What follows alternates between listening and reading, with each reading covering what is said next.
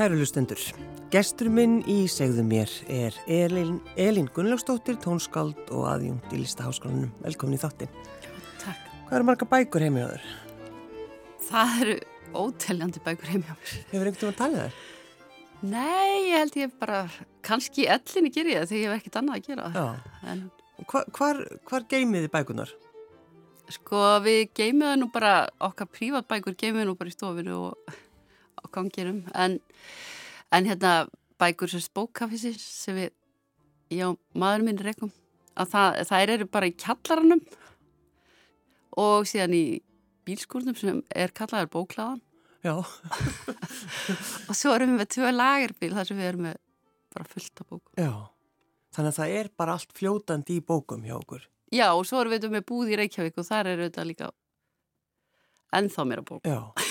Sko, náttúrulega bókakaffið á Selfossi er náttúrulega bara orðið, já það veit allir hvar það er. Já, það er bara gott. Þegar þið byrjuðuð, þá var, var þetta bara eitthvað pínulítið skúrið það ekki? Jú, þetta var eiginlega bara svona tilviljun að við byrjuðum að það var sagt að við sagt rákum þetta sunnlöska fréttablaði lengi og, og við vorum að leia húsnæði hann á Östuvegi 22 og gátum ekki nýtt allt þannig að við leiðum út frá okkur til Hárgræsstofu og svo vildi hún fara annað þannig að það losnaði hann eitt herbyggi og okkur að hvernig er alltaf dreymt um að stofna bókabúð. Svo við bara trefum í því og gerum það. Og þetta var sérst árið 2006 Já. Og síðan bara hefur þetta, hefur þetta stakkað? Já, við erum svona bætt alltaf við, þetta var við kalluðum þetta eiginlega svona meira innrás að við fórum alltaf svona innar í húsi Já, já. að því þannig að á þessum tíma var þetta útrásin mjög í hérna í svona umræðinni þannig að já, við vorum bara svona alltaf að stækka ykkur, nú er allt húsnaði sérst undir Bara það eru bækur út um allt. Já, og svo eru þetta bara skrift og lagar innst í húsinu. En e- eru þið ekki líka, Elin, fann að gefa út bækur? Jú, það ég man ekki alveg nákvæmlega, sko, sérst Bjarni Harðarsson maður minn, hann gaf út svona fyrstu bókinu 2001, það var bara hans eigin bók. Mm -hmm. En síðan svona, sé ekki þá svona tíu ári síðan sem hann fer svona í alveg að gefa út meira bóku. Ég man ekki, ég man ekki alveg ártalið þar, að því ég hef ekki, það, þetta er meira hans deilt, sko. Mm. En, en tekur þú, ég, maður veit að þetta, það, hann er alltaf í forsvar einhvern veginn þegar maður er að tala um bókakaffið, en vinnur hann það? já, já, ég vinn þarna og ég reka til rauninni, ég sé um öll fjármálin. Já. og slíkt og já, þannig að ég held ná svona flestir sem að búa selfósi vita að ég er alveg á fullu í þessu Já, en það fengum við menningaviðkenningu fyrra þannig að, já fengu þið. já, og við vorum þá, fengum þau bæði þannig að, En hvað er það við bókakaffið sem að svona heitlar? það er bara stemningin, einhvern veginn að vera innan um bækur og svo er þetta, er kaffi líka sko, við sérst í rauninni hugmyndi kannski líka að koma að þess að við vorum í Danmörku 2006 og fórum, lendum einhvern veginn inn á svona, fórum í árásum lendum inn á svona bók, bókakaffi þar og, og ég held að svona hugmyndir hafa svona mallað í okkur þá. Og, eða sko hún var þá í rauninu fyrst að þetta, þetta svona það er oft þegar eitthvað gerist að þá einhvern veginn gerist það sérst, að henda svo vel að því að það losnaði akkurat þá um haustið Mm. þetta herbyggju og þá var maður kannski búin að fá svo hugmynd í rauninni Já. hann er stuttu áður já, já. Þetta er, það er engin tilviljun. Nei, einmitt En e, er það þannig að, Elin, að þið, eh, sko, þið kaupið dánabú og, og allt fyllist að bókum, en sko, allar svona verðmætar bækur, þú veist, eru þið að reyna að sapna þeim til að selja? Já sko við erum sérst skráum allar bækur eða sérst allar gamla bækur uh, nema það sem við kallum svona draslið.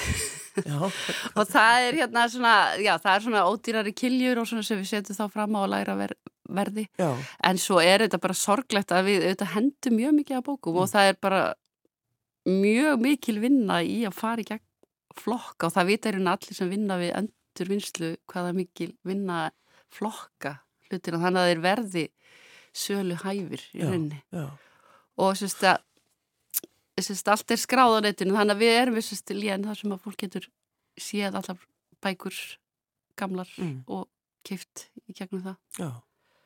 og já, Þetta er náttúrulega svona ævintrilegt svolítið að labba þann inn og, þá, og hvað þá að vera það heppin hafa fengið að kíkja í kjallaran? Elin. Já. það verður svona, maður eiginlega missir andan því þetta er svo mikið að bókum. Já, ég, ég, mér hefur alltaf liðið rosalega vel innan um bækur, þannig að, að hérna, já, mér finnst ég bara, stundu fer ég bara kvöldin út í bókaf, bara ég, næmi niður stundu er ég líka vinn, verið að loka á sund og þá er ég átt að vinna, þannig bara, sko, í undirbúningi fyrir kjænslu eða eitthvað. Já, þá ferðu þangað. Já, umhverfið. þá er ég bara í róanæði Mm. á staðin fyrir Já, mig. Hvernig var það á, á þínu æskuheimili? Var mikið að bókum þar? Já, það var tölverst að bókum, bæði sérst íslenskum og þýskum, sérst því að mamma er þýsk Mm. og, jó, og sko ég reynir til þess að ég er mikið ljóðamannski og ég kynni svona nútíma ljóðlist bara með því að gramsa í bókaskafn hjá pappa því að hann hann var svona mjög frændrækin Já. og keipti alltaf ljóðabækur Þóru Jónsdóttur og hérna og ég fór svona rakst á þær svona, í- eiginlega svona í vinnu ská, sko bókaskafnum hans sem var annars svona fullir að dýralækna bókum já. Hún er frá, frábært skáld. Já. Já. Um, hvar kynntust þau, fóreldraðinir, Elin? Þau sérst kynntist í Hannover í Þýskalandi og mamma var læra að vera kennari og pappi sérst að læra dýralæknir Já. og þau sérst eignast sitt fyrsta batt þarna úti og svo flytjaður, mér minnir að það hafi verið 1962 til Mm. Íslands. Já. Aðeins um mömmuðina, sem er, hvað, 83 ári í dag? Er Það ekki? Er hún ekki Jú. 83? Jú, Um, hvar, sko, þegar hún, hún fæðist, þá Já. stríðið að byrja. já, hún sérst uh, fæðist 13. ágúst, hún sérst heitir Renata og hérna og sérst í rauninni kannski verða ekkit svo mikið í stríðið hérna fyrst væntalega Nei, nei. en svo er í rauninni þegar að líða tekur á auðvitað þegar að hérna, þjóður að fara að tapa þá hérna að þá, menna hún upplifið til dæmis í rauninni þegar Berlín er hertikinn, þannig að þá er hún sex ára. Já. Og, og man, hún- man hún það? Já, já, já, Já. hún man það þeir fældu sig þannig húsi í, sérst, göt, í húsi beint á móti þeirra eigin húsi, af því að það var það var sérst uh, skemmt í stríðinu, eða sérst Sprengtu. já, sprengt upp, Já. já, og þurfti að byggja það allt. En þe- þegar þau fjölskyldin var að fela sig, fela sig fyrir hverjum? Já, það er sérst uh, í rauninni þegar á svo und, undanhaldi þjóðir að þá koma rússar og taka yfir. Já. Og þetta er þá ekki, þetta er sko uh, ekki dansk er það ekki, hún, hún er, Nei, þetta er í Berlín, þetta er, sko. ko- þarna er hún komin í, til Berlínar. Já, það er í rauninni bara, sérst, hérna langa af hennar er frá Gdansk. Já. og amma sem var sérst, Gerda Pandrik hún var endurskoðandi og hún vann við búgarðir sem hann átti sérst í Gdansk svona eitthvað í stríðinu held ég ég er ekki alveg með söguna á hreinu ég er ekki nóg mikið svona ættfræði mannskja til Nei. að vita þetta nóg með Nei. en ég þarf greinlega að fara að kynna mér þetta betur En eh, þegar maður, þú veist, fæðist í stríði, þetta, þú veist, klítur einhvern veginn að hafa áhrif á mann samt. Já, já, mamma tala mjög mikið um þetta og ég held að það er svona bara mjög gott mm. Mm. að þetta er örgulega býr alltaf með henni Já. og kannski var líka erfiðast eftir stríð því þá var þetta sko Berlín var þetta lokað og það var ekki matur. Mm. og sérst, þá kemur sér loftbrún. Og þá er hún sérst, uh, orðið það sérst, uh, létt að hún er sendt til Svíþjóður hún sérst að því að eila bjargaðni að, að hún var orðið svo horuð Já. að hún er sendið fóstur til Svíþjóður í nokkra mánuði. Og amma vildi endilega fara þanga líka en hún fekk það ekki sérst, það voru bara börnir sem fengur fara. Já, bö- börnum voru sendt. já, Já. s- ekki öll. En, sérst, en hún sérst er ádaldi þannig að árin í, eða mánuðir í Svíþjóða, þeir voru held ég mjög dýrmætir fyrir hana, hún eignast þarna eila svona hálfgert aðra fjölskylda en það hafði sérst amma mín gerða verið þar líka aðeins á, fyrir stríð Já. og sem er unglíkur, það voru ykkur svona veist, hugsaðir, þú veist, það var ekki til matur til þess að gefa börnunum sínum að borða. Nei, nei, nei, nei, það var ímislegt borða held ég Já. Já. og já, En eh, svo kynjast hún þessum íslenska herramanni, Elin, uh, að, sko, og hún var satt við að fara til Íslands, eða hvað? Veistu það? Hefur þú spurt hann að þig? Ég, hún hefði nú oft lísti fyrir mér að það veri vart erfitt mér að það var, hún kemur bara, sérst, pappi er frá Bræðiratungu mm. í Biskustungu. Gunnlaugur heitir hann, Skúlason, eða hétt, hann lést fyrir nokkrum árum. Og hérna, og þar var þetta allt mjög frumstætt og, hún, og það kunni þetta engin ennsku á þessum tíma, þannig að hún þurfti bara að tala með orðabók og, og mér skilst að amma mín hafi bara ekkert gefið sem hún bara talaði við hann alltaf á. Já, til þessu kenninni? Ég er ekki til að kenna henni, ég held að hún bara vilja að tala við hann, bara spjalla við hann og kynast henni. Sko. En jú, hún eru örglega kent henni þá líka. Já, já. Já, já þannig að það, hún gæti ekki, þú veist, enginn talaði þýsku og enginn talaði ennsku. Nei, en svo hefur sagt mér það að ég held að þetta var nokkuð fljóðlega eftir hún kemur uh, til Íslands eða það, hún kom bara fyrst svona í heimsó mm. að þá held ég, kemur á Selfors þar bjóð frændi minn, var dýrlækni þar og hún ákveður að skreppa út að lappa og Selfors var bara nokkur hús á þessu tíma og e, síðan líður eitthvað bíðan, hún er held í hálftími burt og menn hafði mjög miklu ágjörð að það myndi sko að hafa sko rata ekki tilbaka mm. en þessi konu var þetta að koma úr Stórborg þannig að þetta Já. var ekkit þetta er ekki ræðast neitt henni fannst þetta ekki ekkit mjög erfitt að rata hann sko. Nei, nei En, hva, en hvar bygguð þið svo? Við byggum sérst, ég er allir upp í laugurási í, í Biskustungum mm. sem heitir núna Bláskópið Já, Já. Og, en nú kannski öðruvís í dag heldur en þegar þú varst allast uppilinn Já, það var þetta í sérst það voru samt alltaf hundra manns á það sérst, sem byggu mm. og að því að þá var garðikjurækti var svo, þá var mjög mikið að garðikjumennum að það en sérst, við byggum í svona á þessu tíma voru svona ríkisbústæðar fyrir lækna og dýralækna já, þannig að við byggum, ég er alveg upp í einu slíkum bústæð En hvern, hvernig samfélag var þetta? Þetta var mjög skemmtilega samfélag, það var mikið á krökkum þetta var svona fólk á svona sem batningna aldrei hann og, og já, þannig að það var bara ég og bara eila góðar minningar úr. Já, já. Hvenar kemur svo tónlistinn? Hvar bankar hún upp á hjá þér? Já, ég sko, held að mamma alltaf langar til að við lærðum á hljóðferði, sko. Hún var þetta að fara á tónleika og í rauninni, sko, er svona aldrei mitt tónlistar uppfyllt bara hennar svona, sko, vínirplötur og sem ég hlustaði á og hún var líka mjög ofta að hlusta á músík og mm. En hérna... Hvaða músík var hann að hlusta á? Hvað, hvað þurftur að heyra? Hún var ekki það svona... Það var bara Beethoven og Mozart og... Já, já, já. Mikið, mikið af svona best of plötu. Já, það voru frábæra. Og vann verður þeim. Það, já, það... En hérna... Já, en svo sýst, var mikið... Það var alltaf samfélag á þýskra kvenna þetta í... Bæði, bæði í, í, reynu í sve, öllum sveitunum, það í uppsveitunum. Já. Og Já, ein... á þessum tíma náttúrulega voru, voru þýskar konur að koma svo mikið til Íslands. Já, það er komið 1947, Já, komu flestar en þess mamma kemur hérna upp úr 60. Já. En það var hérna Margaret Grünhagen sem bjóð á miðhúsum í sömu sveit og, og hún var tónlistakona og kennar, eða þess að kendi mjög mörgum á blokkflötu og til, þegar ég var 6 ára þá var það tíma bara til ég að fara að blokkflötu mm -hmm. og hérna og þá var, við, var ég sendt bara með mjölkabílum sérst. og það var alveg ansi mikið ferðalag og við þurftum að ég þurfti að fara hvern einasta bæ áður ég komst að miðhúsum af því að það þurfti að sækja mjölkinast Og hvað varst þá lengi að keira í, í tíman?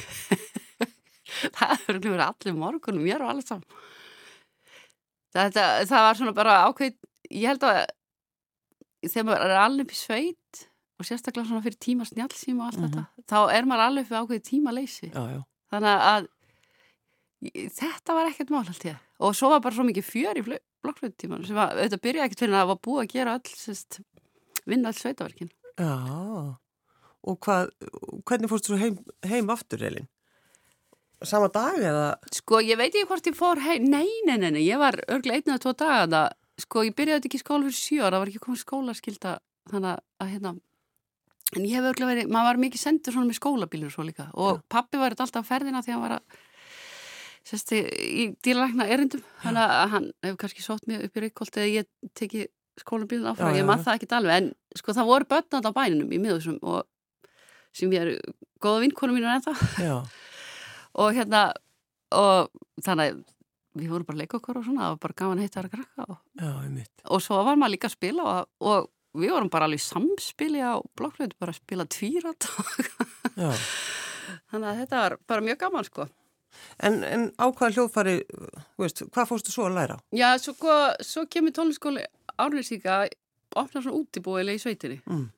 og það var mjög mikill lúksu sko að vera í þá sérstu í rauninni langa mín hún gefur okkur píano, sérstu langa mín þísk og ég sérstu þá fer þá í píanotíma nýja ára og þá fekk maður alltaf að fara úr tíma sko.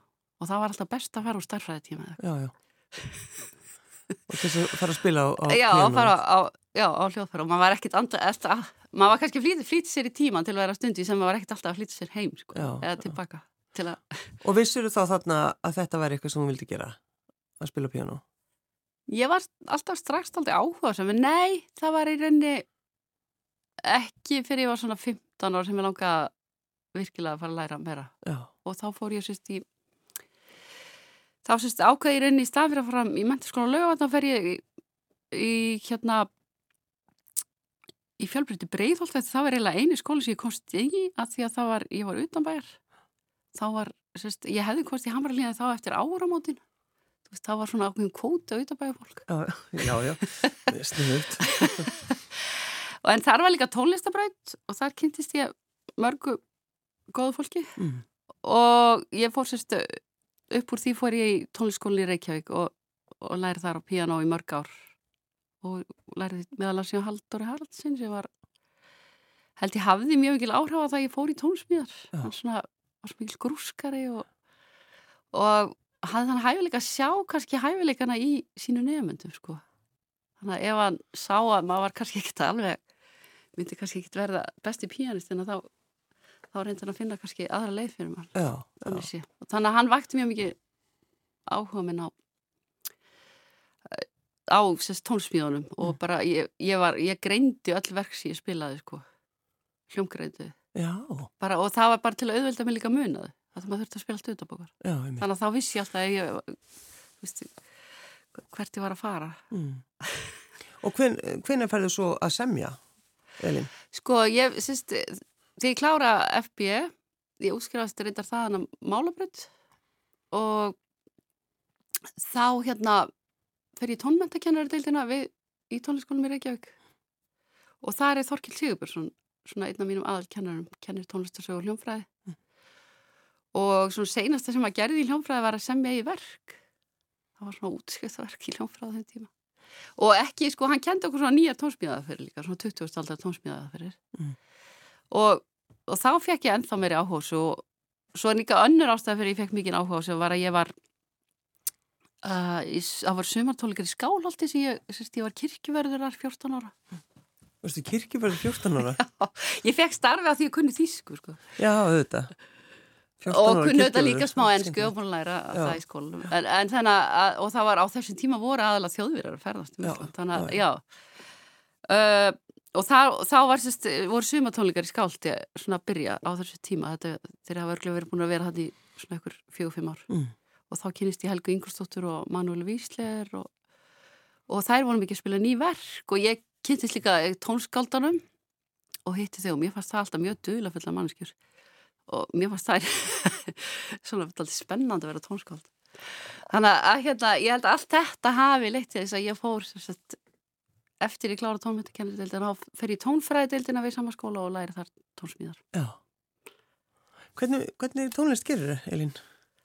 það er, það er svo rosalega misjáft það bara fer aldrei eftir tilefninu Já. stundum finnst mér að vera tvær manneskjur en sko ég hef mjög gana af, af tilröna tónlist en svo er það svona stundu til að svona lifa sem tónskáld, þá verður maður stundum að gera taka pantanir líka Mm. Og það gengur aldrei út á það þannig að ég fengið aldrei mikið af í rauninni pöntunum fyrir eins og barna tónlist kannski að því að tónmandi kennur á vann við það líka eitthvað Mm.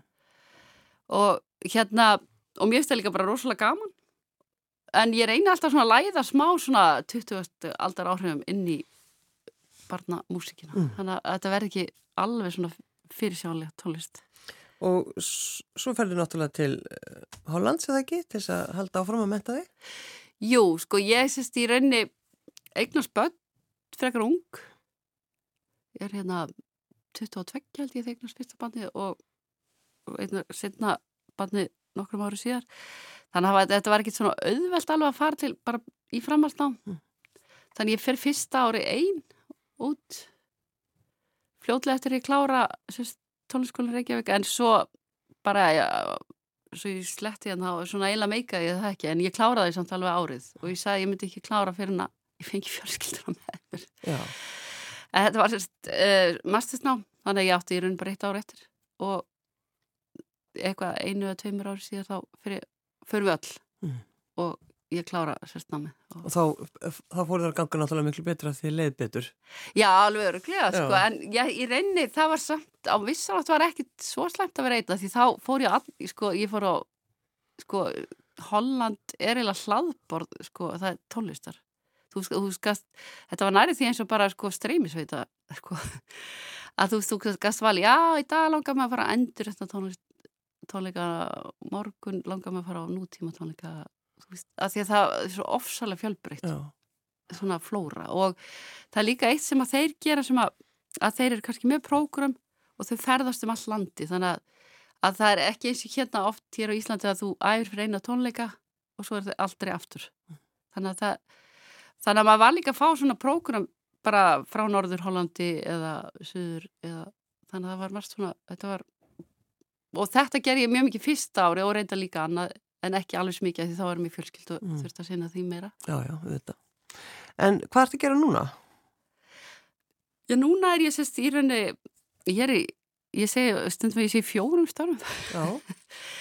að ég sérst er sérst í aðjúmt við listaháskólan og síðan er ég þetta semja, tónlist og síðan ekki bókaffið og svo er ég stundakennar við tónskóla Sigursveits líka, kenni það hljónfræð. Já. Þannig að þetta er starfið mín. Já. Og svo ertu núna eitthvað, þeir eru búin að vera að undibúa svona tónleika hús, er það ekki fyrir börn? Jú, kalla tónleikhús, sko. Ég er ekkit hérna rosa mikil aðdáðanda óperum. Nei. Ég veit ekki, ég held að sé feministinn í mér. Mér finnst það alltaf eitthvað svo hérna, mér finnst það alltaf eitthvað lúfa fyrir svona kallum í þessum óperum. Mm. En hérna þannig að, og já, ég, sýst, ég veit það ekki, svo finnst mér stundum óeðlegt einhvern veginn að fólk sé að syngja það sem er í raunin að tala. En kannski er líka óeðlegt að fólk brest í söng í, tónleikúsi, ég veit ekki. En mér sko, finnst mér þetta með skemmtilegt form að því ég get líka leikið mér alltaf með hljóðfæri. Þau hafa, sko þetta er í rauninni leikur sko þeir, fólki syngur en svo eru hljóðfæri líka þar sem þau gera skipt mjög miklu máli. Mm. og, og hljóðfæri leikararni þannig þeir eru í rauninni fulli sáttegundur og þess vegna kallar ég þetta tónleikús Tónleikús og, og hvað er það sem að Hvað er það að gera þarna? Sko, já, verkið sérst heitir Skemmtilegt að myrkrið og það er sérst höfrahörð sem að Pamela Desensja með. Og hún hefur verið að gefa út svona þjóðsagna sérst eh, svona þjóðsagnabækur með tónlist og hún sérst pantaði þetta verk hjá mér og það var rétt fyrir COVID. Og hérna uppalátt þetta bara vera í raunni fyrir hljóðfærleikar og sögumann En svo var COVID og þá var svona alltaf mikil tími og ég mislega svona breyttist. Þannig að þetta varð í rauninni að, sérst, í rauninni svona söngleik meira og sérst, það bættist við einn persóna í verkið og sögumæru breyttist í eina persónu. Og þetta er sérst, ég blanda þetta saman mörgum þjóðsögum, þetta er sérst, Pamela vildi hafa mikið að draugum en ég er kannski ekki Mér fannst, eða svona, mér fannst alltaf erfitt að hafa heilt verk bara drauga og kannski líka þetta fyrir börn það er nú kannski alltaf mikið. Svo ég ákvað svona að blanda saman nokkrum þjóðsjóðum eða, og, svona, og ég tengi þær með texta og spjalli sagt, leikarna. Hvaða þjóðsjóður valdur þau? Sko það er skemmtilegt myrkri sem er um galdrakall sem að ég breyti því í leikirtuna að hann sérst, á að vera dauður, sérst, að maður sem að situr yfir honum og svo fer hann að svona hlæja og segir skemmtilegt er myrkrið. Já. og þá fer hinn með vísu og þá hættir hann að hlæja sko. Og hann í rauninni svona hveður hann niður. En ég læta bara vera lífandi galdrakall og síðan er ég með huldufólksögu og, og um börn sem að eru svona stríðahöldu konu með því að setja lambarspörð inn um búrglögan hjá hann og hún verður mjög reið og svo nikurinn og það er kannski líka daldi, ég er mjög tengd nikurinn að því ég býðist, var allir upp í lögur og vörðufellir þar. Og í, það er vatn og það er nikur Já. þannig að nikurinn er mjög tengdur mér. Hann er svona, mér veist ég hann er svona tengdastu mér þannig að í þjóðtrúni svona. Þannig að þú, þú trúur á hann, alveg. Auðvita. Já, já, já. og hérna og síðan eru loftandar og ímislegt en það er sérst ég vinn þetta upp úr sagna hverju skúla Gíslasonar sem var, ég voni ég far rétt með langa langa af minn og þetta, og það er svo skemmtilegt í þessu hveri að það segir að þetta eru, ég skráði þessu sögur, þetta eru sögur sem ég voru sagðar ég á sjóra gamal Mm. og mér fannst það svo fallegt að þú veist að þá var ég svona eiginlega, hann heyrði þetta sem var sjóra og þá fannst mér alltaf fallt að leifa sjóra bönnum nútímans að heyra þessar sögur og kannski aðeins í öðrum búningi en, en bara að svona þetta er okkar arfur Já, einmitt. Og, og hljóðfærin sem þú, þú notar? Sko ég nota sérst, uh, það er piano og cello og slagverk, það er svo sem ekkit óvinnlegt við það, en hérna ég hef alltaf haft mjög gána slagverki, bæði, mér finnst það er svo margir lítir og ég gaman svona ritmum og, og slíku. Uh, en hérna síðan að því að þetta svona var svona átt að vera, eða mér fannst svona aðeins þjóðilegra, þá langaði maður að hafa langspili, þannig að ég ákvaði að setja það inn og þá þurfti ég að hafa sellista sem skal spila á langspil og það er Sigur Haldursson sem leikur á það Mm. og síðan eru leiki á potta og skeiðar og að því það er ein huldufólk sagði ég sérst ég með tvær að það er, það er klettur á Selfossi sem heitir dagmálaklettur Mm. og það er til saga um hann að það er sérst á mótnana heyrist þegar fólki er að bauka í eldhúsinu Já. og það var svona og þá heyri nota í pottana Hva, hvað er þessi klettur? hann er það sem við heitir sko helliskóur er þetta eða okkar út, útvistasvæði Já, og klettin er bara rétt svona fyrir ofan hellin í rauninni Þannig að þangað er þetta að fara um alltaf að já það er alveg hægt og væntalega heitir það dagmálklettina því að það, þetta verið svona tíma sérst, mæling á þeim tíma. Já, já, þegar sólinn hefur hann þá hafa verið það vissum við hvað klukkan var. já, Þannig að það eru dótapíanóið og sleif, sleifar og já, Dóta Píano kökudósir og... finnst mér rosalega skemmtilegt hljóðfæri. Að John Cage notaði alltaf mikið og, og hérna og það er alltaf mikið svona í tilraunarsennunni notað nú til dags og, og, og ég, ég nota það þegar huldufólkið er að því það er líka lítið Mm. og við höfum kannski á tilfinningur að huldufólki sé lítið þannig að það er svona alltaf skemmtilegt En svo erstu líka fyrir utan þetta sem að uh, verður núna í oktober og nóvumber, er það ekki? Jú, það Já. verður sérst frumsýtt eftir uh, rúmavíku Já. En þá ertu að uh, skoða Salmabókina 1589. Já, það er svona hlýðar vinna, það er kannski fymta vinna mín. Já, Uh, já, og ég er alltaf að segja hóknum að ég geti byrjað að vinna fyrsta nóvumber því þá er frumsynningi búin. En hérna, já, það er sérst að þá að gefa út sérst að salmabækundar sem voru sérst á s- eh, endurútgefa.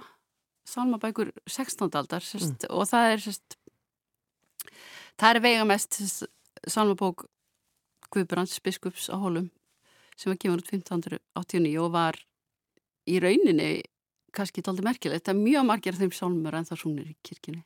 Mm. þeir hafa margir verið endurortir en hérna og þetta er þetta skrifað í svona með, með gamalli nótnaskrift sílikli og ég sést uh, mun setja þetta upp með nútíma nótnaskrift en samt svona aðeins reyna að halda við gamlu nótnaskriftina en sést Páll Ekkert Ólafsson hann var búinn að nótsetja allt og hafði skrifað heilmikið um þetta hann var fræðimaður hérna í upphafið 20. aldar og, og þetta var gefið út í Árborg Háskóla Íslands sko.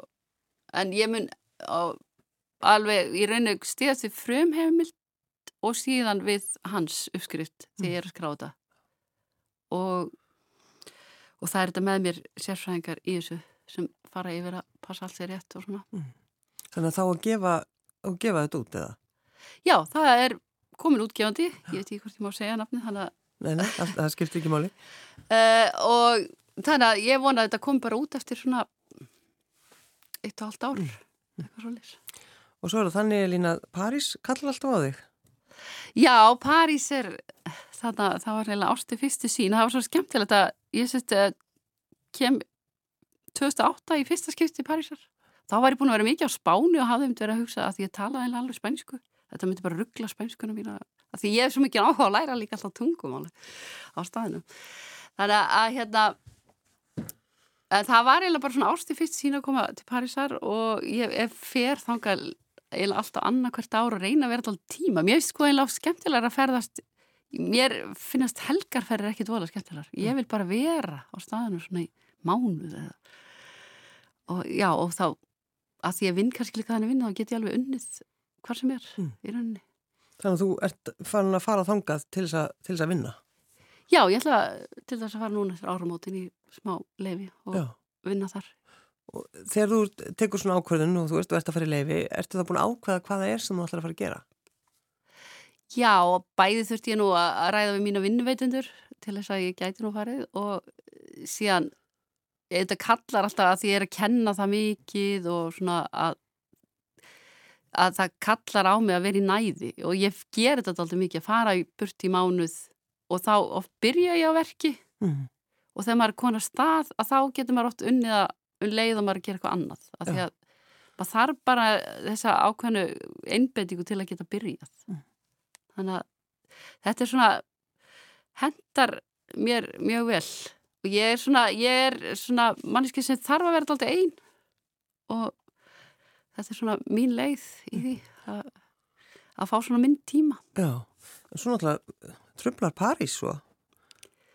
Já, en París er ekkert þannig að það er svo litlu hlutinni sem gleiðja mann, það er bara að fara á kaffehús að fá sér kaffi og croissant og síðan að, að hérna, það, það, það er reyna ekki tröflun, það er bara inspírasjón Já, já Þannig að þú ætlar að, þú ætlar að fara þangað eftir, hvað, eftir árumótið það? Já, svona fljótlega uppur árumótið. Þannig að það er ekkert skrítið að ég bæði nú, bæði að velja lag, þú val, valdir franst lag. Já, ég hugsa að til að lýsa mér best að þá er held ég sjakkbrell og þetta, ég veit ekki hvað ég búin að hlusta átt á þetta lag. Já. Numi Kitpa. Frábært lag. Já. Elin Gullinsdóttir, tónskáld og aðjungt í listaháskólanum. Takk fyrir að koma. Já, takk fyrir mig.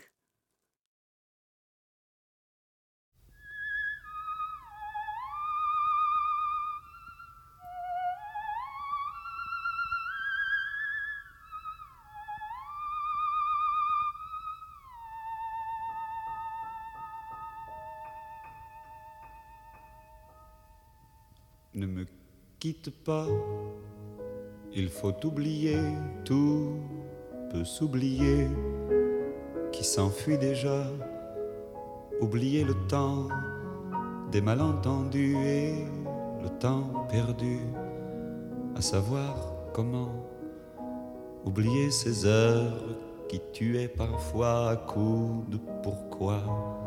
Le cœur du bonheur ne me quitte pas.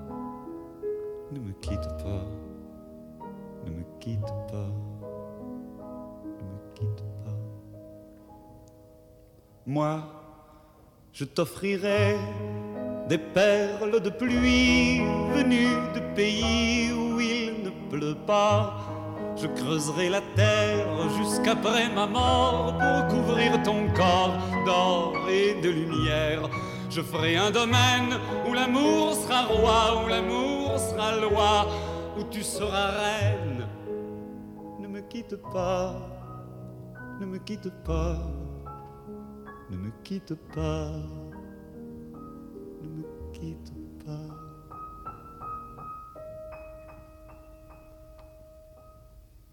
Ne me quitte pas, je t'inventerai des mots insensés que tu comprendras.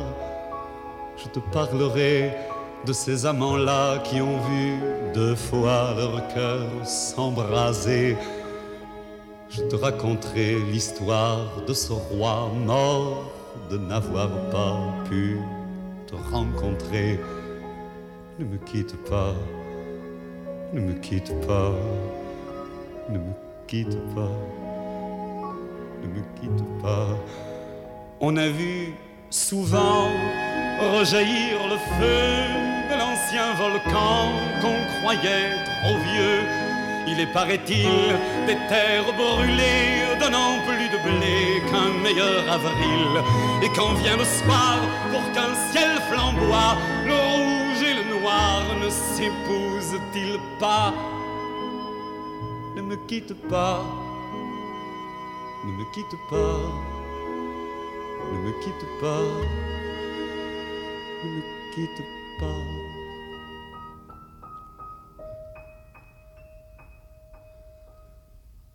Ne me quitte pas, je ne vais plus pleurer, je ne vais plus parler, je me cacherai là à te regarder danser et sourire et à t'écouter chanter et puis rire. Laisse-moi devenir l'ombre de ton ombre, l'ombre de ta main, l'ombre de ton chien. Ne me quitte pas, ne me quitte pas, ne me quitte pas, ne me quitte pas.